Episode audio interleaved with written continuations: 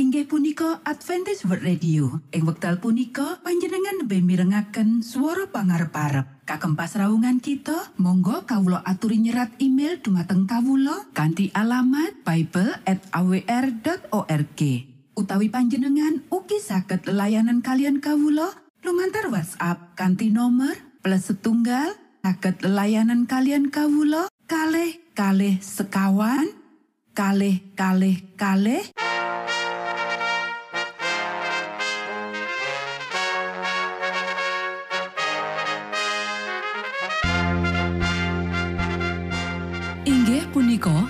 Adventist World Radio ingkang giaran kanti basa Jawi. Tentrem Rahayu kula aturaken kagem para mitra kinasih ing pundi papan lan panggonan. Sugeng pepanggian malih kalian Adventist World Radio. Kanti bingahing manah Kulo badhe sesarengan kalian para mitra kinasih lumantar saperangan adicara ingkang sampun rinonci mligi kagem panjenengan sami. Mugi giaran punika saged migunani tuwin dados berkah kagem kita sedaya. Sugeng midhangetaken Gusti amberkahi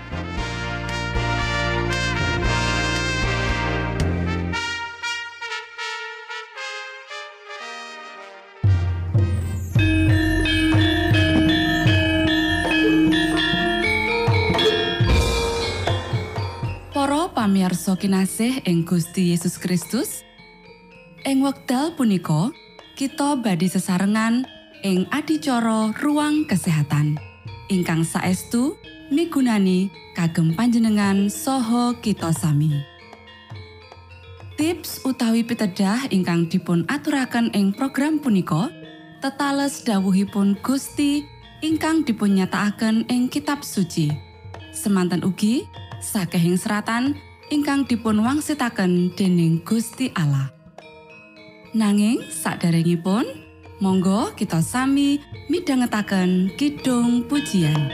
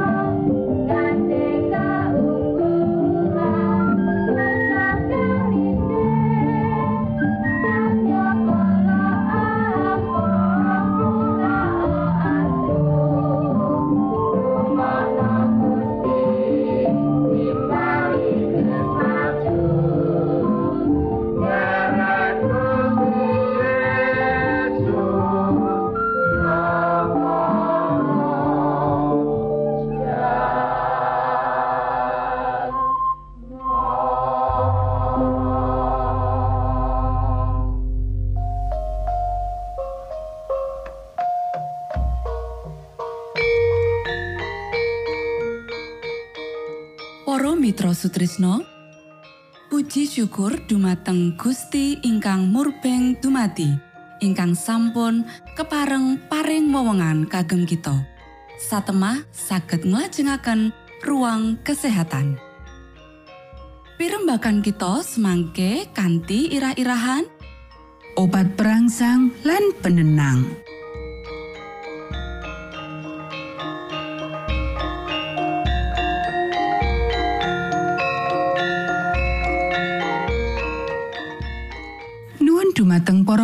Pamirsa ingkang dahat kinormatan, sugeng pepanggihan malih kalian kula Isti Kurnaidi ing adicara ruang kesehatan. Ing dinten punika kanthi irah-irahan obat perangsang lan penenang. Para sedherek ingkang kinasih, ing sangisore judul obat perangsang lan penenang iki kagolong sejumlah gede bahan sing menawa digunakake dadi panganan lan omben-omben sing bakal ngrusak lambung, ngracuni getih lan ngrangsang syaraf. Panggunaane bener-bener jahat. Wong-wong golek kesenengan sakjroning obat perangsang amarga kanggo sawetara asile apik. Nanging tansah ana reaksi. Penggunaane obat perangsang sing ora alami tansah condong nimbulake ekses, yaiku mujudake sawijining bahan aktif sakjroning nyurung kerusakan lan keleburan awak. Kang kapisan kita bakal nyinau bumbu masak. Para sederek ing jaman sing sarwa cepet iki, panganan sing kurang merangsang ya iku luwih apik. Bumbu-bumbu masak asipat bebayani.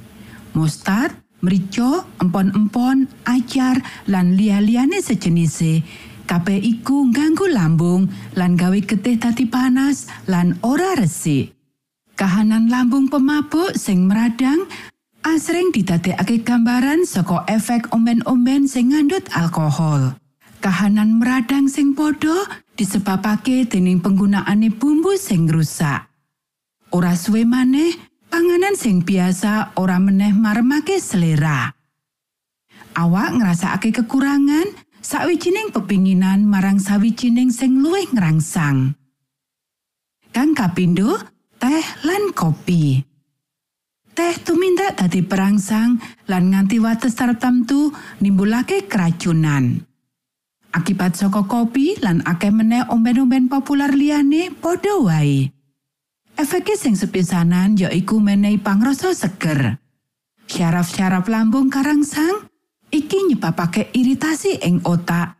Lan ing kilirane otak karangsang kanggo menehi kegiatan sing ningkat ing jantung lan tenaga cadangan saknalika ing kabeh awak.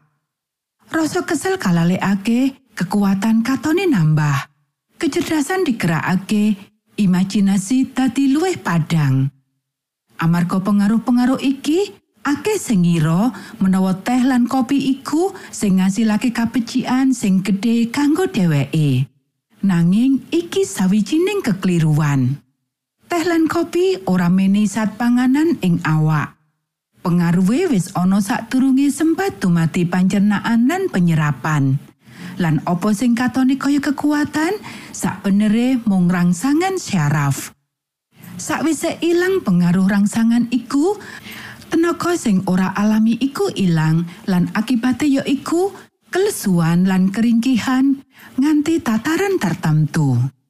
Penggunaan terus-terusan saka bahan-bahan perangsang syaraf iki diiloni karo mumet, ora bisa turu, jantung deg-degan, gangguan pencernaan, gemeter, lan akeh kangilan liyane. Amarga bahan iku ngentekake toyo urip. Syaraf sing letih merlokake ngaso lan ketenangan, gantine rangsangan lan kerja lembur. Alam merlokake wektu kanggo mulihake tenagane sing kekuras. Menawa tenagane iku dipeksa kanthi nggunakake bahan-bahan perangsang, kanggo sawetara keluwihan tenaga iku dientokake. Nanging merga awak wis ringkeh akibat terus dinggo, mula suwe-suwe saya angel kanggo mbangkitake tenaga ing wates sing diperlokake. Tuntutan marang bahan perangsang dadi saya angel dikendaleni, nganti kekarepan diringkehake lan ora bisa meneh nolak pepinginan sing ora wajar iku. Saya kuat bahan-bahan perangsang iku dituntut, nganti awak sing wis letih ora bisa meneh nanggapi.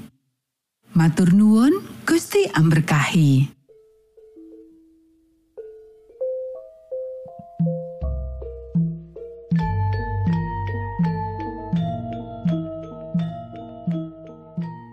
Cekap semanten pimbakan ruang kesehatan ing episode dinten punika. Ugi sampun kuatos jalaran kita badhe pinanggih malih ing episode sak lajengipun.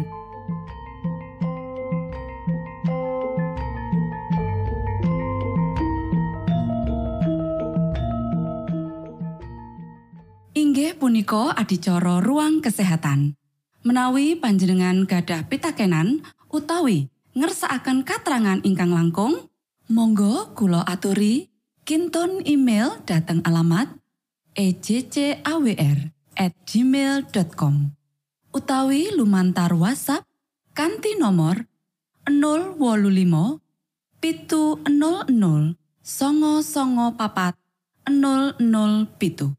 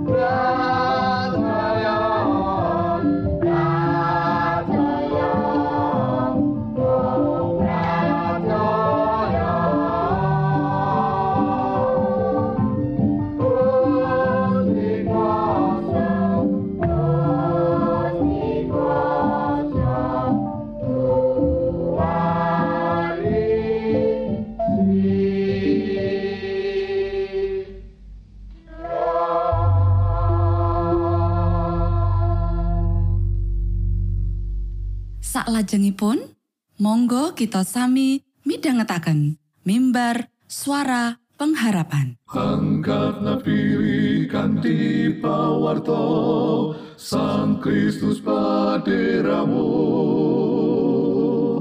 Pro umat samyo puji asmanyo Sang Kristus paderamu. Inggih punika mimbar suara pengharapan ing episode punika kanthi irah-irahan Pindah saka zona nyaman. sugeng minangka tondo Sang Kristus paderamu Ilmu kawero tambah tambah Sang Kristus paderamu Paderamu Paderamu Sang Kristus paderamu Shalom, para pamiarsa ingkang kinasih wonten ing Gusti. Sak menika kita badhe mitangetaken renungan Sabda pangantikanipun Gusti. Ing dinten punika kanthi irah-irahan pindah saka zona nyaman.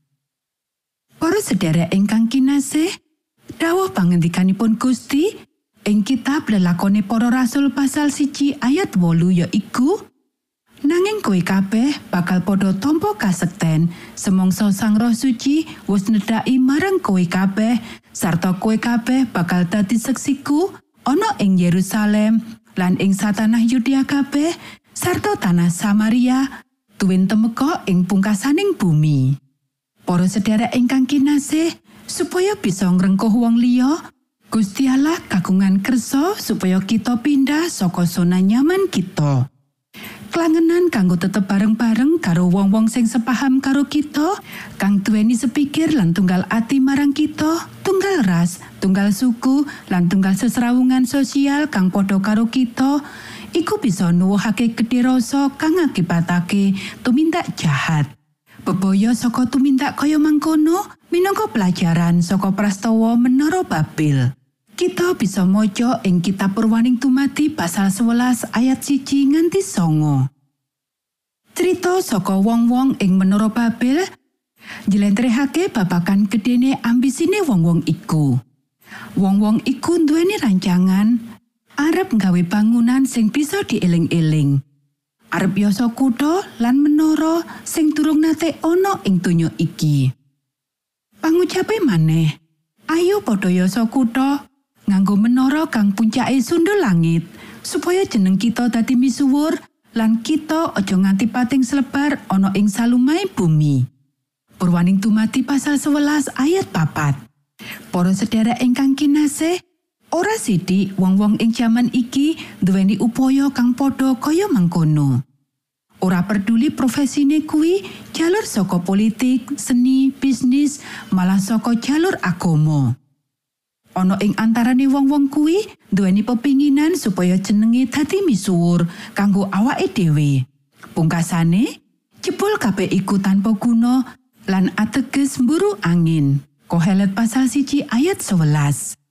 Para sederek, pangandikane kitab suci ing Purwaning Tumati pasal 11 ayat papat, menawa wong iki pepinginane bangun menara kuwi supaya ora sumebiar ning salumahing bumi. Alesane mung pengin ngumpul bebarengan gawe gedhekake pangrasane dhewe. Nanging Gusti Allah kagungan rancangan liyane. Sejatine wong-wong iki katunggalake uga kanggo pakaryan iki. Nanging pangantikane Sang Yehuwa. Lah wong-wong iku padha tunggal bangsa lan tunggal basa. Iki lagi wiwitane kekarepane. Mengko rak bakal wis ora kena diendakake apa kang dadi setiani. Purwaning tumati pasal 11 ayat 6. Rancangan kang ambisius saka wong-wong iki sak temeni jahat anane. Para sedherek ingkang kinasih, senadyan kitab suci wis ngendikan kaya mangkono kanthi tinulis, pena inspirasi ngendikake menawa wong-wong iku ora percaya marang prasetyani Gusti Allah, menawa panjenengane ora bakal maneh numpes bumi kanthi banjir gedhe. Kita bisa maca ing Purwaning Tumati pasal songo ayat 14 lan 15. Wong-wong iki duweni karep bangun apa sing dheweke anggap aman ketimbang percaya marang dawuh pangandikanipun Gusti. Apa wae kang dadi motif utamane Gusti Allah pirsa menawa tujuan-tujuane wong-wong iki ora murni nanging diisi kanthi ambisi diri iku sebabe Gusti Allah nyegah wong-wong iku nggayuh tujuan kang wis padha ditetepake. Monggo kita sami ndedonga. Duh Rama kawula ingkang wonten ing swarga, asma patuko mugi kasucikaken. Kraton patuko mugi rawuh, karsa patuko mugi kalampahan wonten ing bumi, kados dene wonten ing swarga. Kawula mugi kaparingan rejeki kawula sak cekapipun ing dinten punika. Saha patuko mugi ngapunten kalepatan kawula, kados dene kawula inggih ngapunteni tetiang ingkang kalepatan dhateng kawula. Punapa dene kawula mugi sampun ngantos katantukaken dhateng ing panggoda nanging mugi sami patuko uwalaken saking piawon. Awit dene patuko ingkang kagungan kraton saha wisesa tuwin kamulyan salami laminipun. Amin.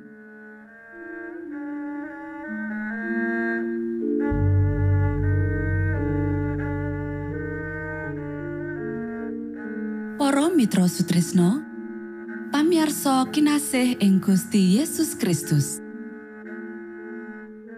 Sampun paripurno pasamuan kita ing dinten punika.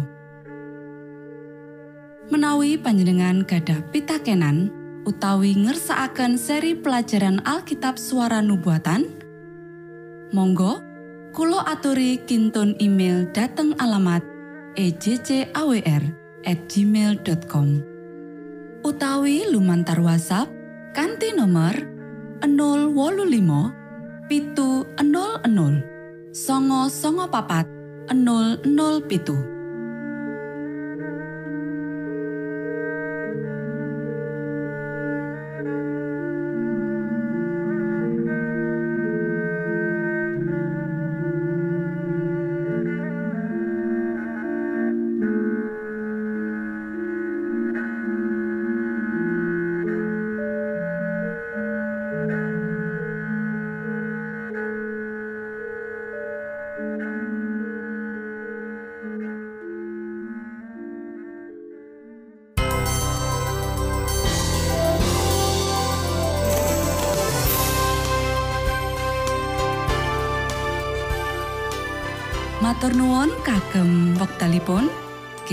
badhe pinanggih malih ing gelombang ugi wekdal ingkang sami.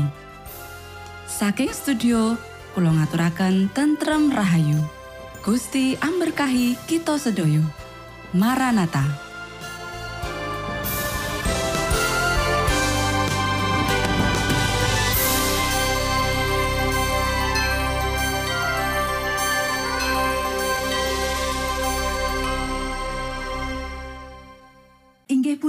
Adventist World Radio. Ing wekdal punika panjenengan lebih mirengaken swara pangarep-arep. Kagem pasraungan kita, monggo kawula aturi nyerat email dumateng kawula kanthi alamat bible@awr.org.